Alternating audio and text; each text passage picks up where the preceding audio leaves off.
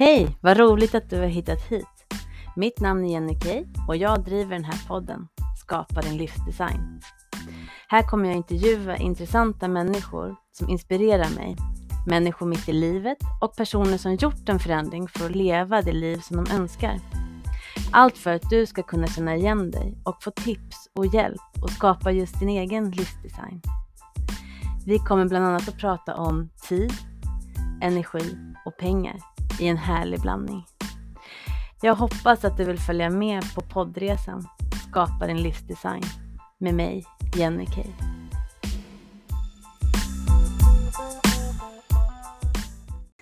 Idag så tänkte jag prata om någonting som många av oss har problem med. Det är att skapa nya vanor. Du vill skapa nya vanor, men du lyckas inte hela vägen fram till mål. Din hjärna motarbetar förändringar för att du ska skydda dig själv och när du får bakslag, ja då orkar du inte fortsätta. Att ändra vanor är oftast både ansträngande och obekvämt, vilket gör att vi ofta undviker det.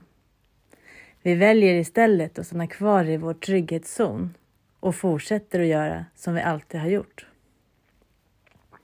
Så hur kan du göra för att få till de där vanorna som du så gärna vill ha i din vardag? För att du enklast ska hålla i en ny vana så behöver du skifta mindset.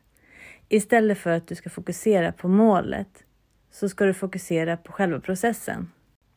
Små steg framåt och ha allt tydligt för dig själv, inte bara hängande i luften som någonting långt där borta som du redan känner innan att det kanske är lite ouppnåeligt. Visste du att om du skriver ner vad du vill få in för vana eller mål så ökar du dina chanser med 43 procent. Så håll inte dina mål eller vanor som du önskar att få in i huvudet utan skriv ner dem. Om du även skriver en lapp och sätter på badrumsspegeln eller på ditt skrivbord, kanske på dataskärmen eller gör en vision board med olika typer av saker som manifesterar den här vanan, då höjs sannolikheten ytterligare. Att ankra din vana i en annan vana som du redan gör idag ökar sannolikheten att den håller över tid. Jag berättar strax mer om vad jag menar med ankring. Först tänkte jag berätta för dig om en studie om just vanor. Vi människor är olika, så också när vi bildar vanor. I en studie som publicerades i European Journal of Social Psychology 2009 fann Filippa Lally och hennes kollegor att det tog i genomsnitt 66 dagar att lära sig en ny vana. Det rörde sig om enkla vanor som att äta en frukt varje dag eller börja jogga. Det tog olika lång tid för olika personer. För några krävdes det bara 18 dagar och för andra krävdes det hela 245 dagar innan vanan blivit automatisk. Den populära föreställningen att det tar 21 eller 28 dagar att forma en vana bör man alltså ta med försiktighet för att inte känna sig misslyckad i onödan. Det tar ofta längre tid än just 28 dagar. I studien såg man också att en liten grupp är immuna mot nya vanor. Det gör som det alltid har gjort. Så här krävs det extra mycket vilja och synliga målbilder varje dag för att få till en rutin som kanske tyvärr inte kommer bli just en vana. Så här gick studien till för att undersöka processen för vanebildning i vardagen. De valde ut 96 frivilliga i ett ät, drick eller aktivitetsbeteende att utföra dagligen i samma sammanhang, till exempel efter frukost. Projektet pågick under 12 veckor. De som genomförde det här äh, rapporterade i ett självrapporteringssystem varje dag som registrerades om de utförde beteendet eller inte. Majoriteten, hela 82 stycken av deltagarna, gav tillräckligt med data för en analys som undersöktes under studieperioden. Det visade sig att om man utför beteendet mer konsekvent var förknippat med en bättre modellanpassning. Tiden det tog att nå just 95 procent av automatiken i vanan varierade allt från 18 till 254 dagar. I den studien indikerade en avsevärd variation i hur lång tid det tar för människor att nå sin gräns för automatik och understryker att det kan ta mycket lång tid. Att missa ett tillfälle att utföra nya beteenden påverkar inte vanebildningsprocessen. Med upprepning av beteendet i ett konsekvent sammanhang ökar automatiseringen. I en studie som gjordes 2010 kunde man dessutom krossa en annan myt, att man måste hålla fast vid den nya vanan varje dag. Om man missar en dag måste man inte börja om från början. En dag hit eller dit gör ingen skillnad. Snarare är det så att denna myt kanske ger folk en anledning att ge upp i alla fall. Om de till exempel drabbas av en förkylning eller något som tvingar dem att överge den nya vanan för en stund. Nej, upp igen och på den igen. Du börjar inte om från början, utan hjärnan skapar minnen och muskelfiber i varje ögonblick. Så när man gör då de här äh, typet av nya vanorna, då är det många som använder de här äh, trackers. Att man ska hålla en strike, säger vi, en träningsstrike. Du ska träna i 30 dagar i rad och så sätter man en kryss i kalendern varje gång man har gjort det.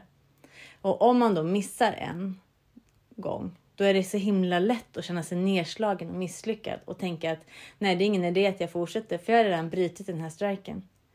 Det är egentligen det tokigaste man kan göra då. Med tanke på att muskelminnet och hjärnan lär sig hela tiden. Det spelar ingen roll att du bara avbryter en gång. Så det tycker jag vi tar med oss. I början går inlärningen oftast mycket snabbt. Sedan planar det ut och efter ungefär 66 dagar når den en platå. Då genomförs beteendet utan tanke. Att lära sig enkla saker som att dricka ett glas vatten före frukost tar bara ungefär 20 dagar. Medan nya träningsvanor, som att göra 50 armhävningar varje dag, tar över 100 dagar. Att göra armhävningar före frukost kräver mer viljestyrka. Det är inte bara att hälla upp ett glas och dricka upp med all enkelhet. Man kan säga att vanorna har en trestegsraket. Alla vanor består av tre steg. Det finns en start, ett slut och processen däremellan. Det finns en bunt handlingar som bundits samman som blir just en vana. Om vi tar ettan först. Starten. För det så behövs en påminnelse eller något som jag kallar det för ett ankare. Någon som säger åt hjärnan att gå över i ett automatiskt läge och låta beteendet ta kontrollen. Ett ankare är något som tidigare föregått beteende. Det kan vara att man alltid borstar tänderna efter frukosten. Då är frukosten ett ankare. Om du sen lägger på någonting ytterligare som du vill göra direkt efter. Säg att du vill skriva i vad du ska göra under dagen. Då är det perfekt att göra det. Då har du frukosten, borstar tänderna och sen så skriver du dina uppgifter för dagen. Då förankrar du det i den redan befintliga vanan. Det andra steget är processen för att få det till en vana. Vanor är ju ett beteende som man gör utan att tänka. Man är så säker på att man gör det att man inte behöver tänka på det. Hjärnan gör det på autopilot. Det kan vara som att borsta tänderna efter frukosten, köra bilen hem efter jobbet. Eller när du sätter på dig skorna så knyter du skosnörena helt automatiskt. Hjärnan är avkopplad och du kan tänka på annat under tiden som du gör just de här sakerna. Det tredje steget är belöningen. Eller målet. Det är det som gör att vanan lever. Om inte vanan ledde fram till vårt mål då skulle vanan dö ut. Belöningen stärker minnet av det som gjorts så att man inte glömmer det. Men vad är syftet med vanor? Jo, syftet med vanor är att spara energi. Till exempel, som när vår dotter började övningsköra kunde man nästan se all den energi som krävdes för att hålla bilen på vägen. Speciellt när vi kom ut på motorvägen med massa annan trafik eller i stan där mycket hände samtidigt. Den medvetna delen av hjärnan är aktiv. Vid övningskörning håller de krampaktigt fast vid ratten. Öronen är på helspänn och de är beredda att ta emot instruktioner från oss som sitter bredvid eller läraren. Och ögonen stirrar stint på vägen och är aktivt tittande i speglarna. Efter bara några månader med körkort kör föraren bil med enkelhet. Pratar i mobilen via blåtand och minns ingenting av bilfärden. Den gick på automatik. Det har blivit en vana. Allt från regler, blinkers och växlar som kan vara en av de svåraste uppgifterna när ungdomarna lär sig köra bil. Prefrontala barken har släppt kontrollen och ett område i hjärnan som kallas basala ganglierna har tagit över. Det är en omedveten del av hjärnan.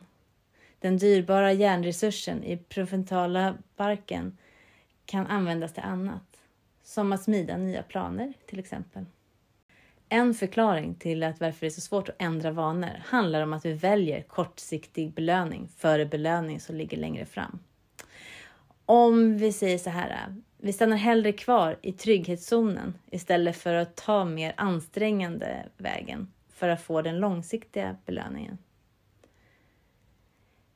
Egentligen är det kanske inte så konstigt. Vår hjärna är nämligen programmerad att styra mot kortsiktiga belöningar och när det handlar om att ändra vanor ligger belöningen ofta väldigt långt bort. Säg att du till exempel vill arbeta mer strukturerat och styra över din tid. Och för att göra det bestämmer du dig för att börja planera systematiskt och göra dina arbetsuppgifter i prioriteringsordning. Belöningen, att ha full kontroll och spara tid, kommer just att lite tid och kräver en hög grad av disciplin till en början. Den kortsiktiga belöningen och hoppa över de här jobbiga uppgifterna som tar tid för att istället njuta av att göra de enkla små uppgifterna med en härlig känsla av att beta av listan tenderar att vara mycket skönare. Ofta säger vi till oss själva att jag tar tag i den där uppgiften imorgon istället. Och vi skjuter på den obehagliga istället för att göra den på en gång. Det är något som inom psykiatrin kallas prokrastinering. Prokrastinering är något som människor, ja, som alla mer eller mindre lider av. Eftersom vi människor har en tendens att kompromissa med långsiktiga mål i utbyte mot kortsiktig belöning. Kontentan är att de flesta människor behöver hjälp, vilket också är anledningen till att yrken som till exempel personlig tränare, kostrådgivare och coacher växer kraftigt.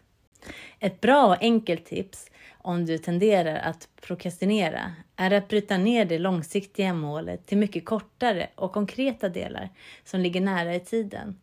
Ju mindre steg, ju större sannolikhet är att du gör det.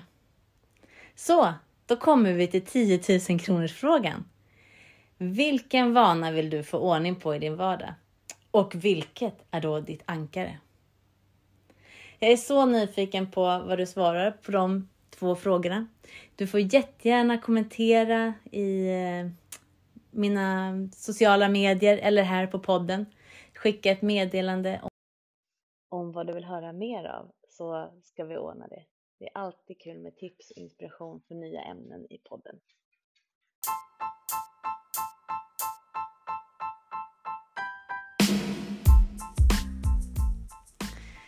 Jag vill tacka dig så mycket för att jag har fått tagit en del av din tid. Jag hoppas att det här gav dig nya insikter, nya tips och idéer och att du hittar just ditt ankare. Vill du veta vart du kan hitta mig så hittar du det i avsnittsbeskrivningen och där finns det även lite mera smått och gott att ta del av. Så jag önskar dig en fortsatt trevlig dag. Ha det så gott. Hej!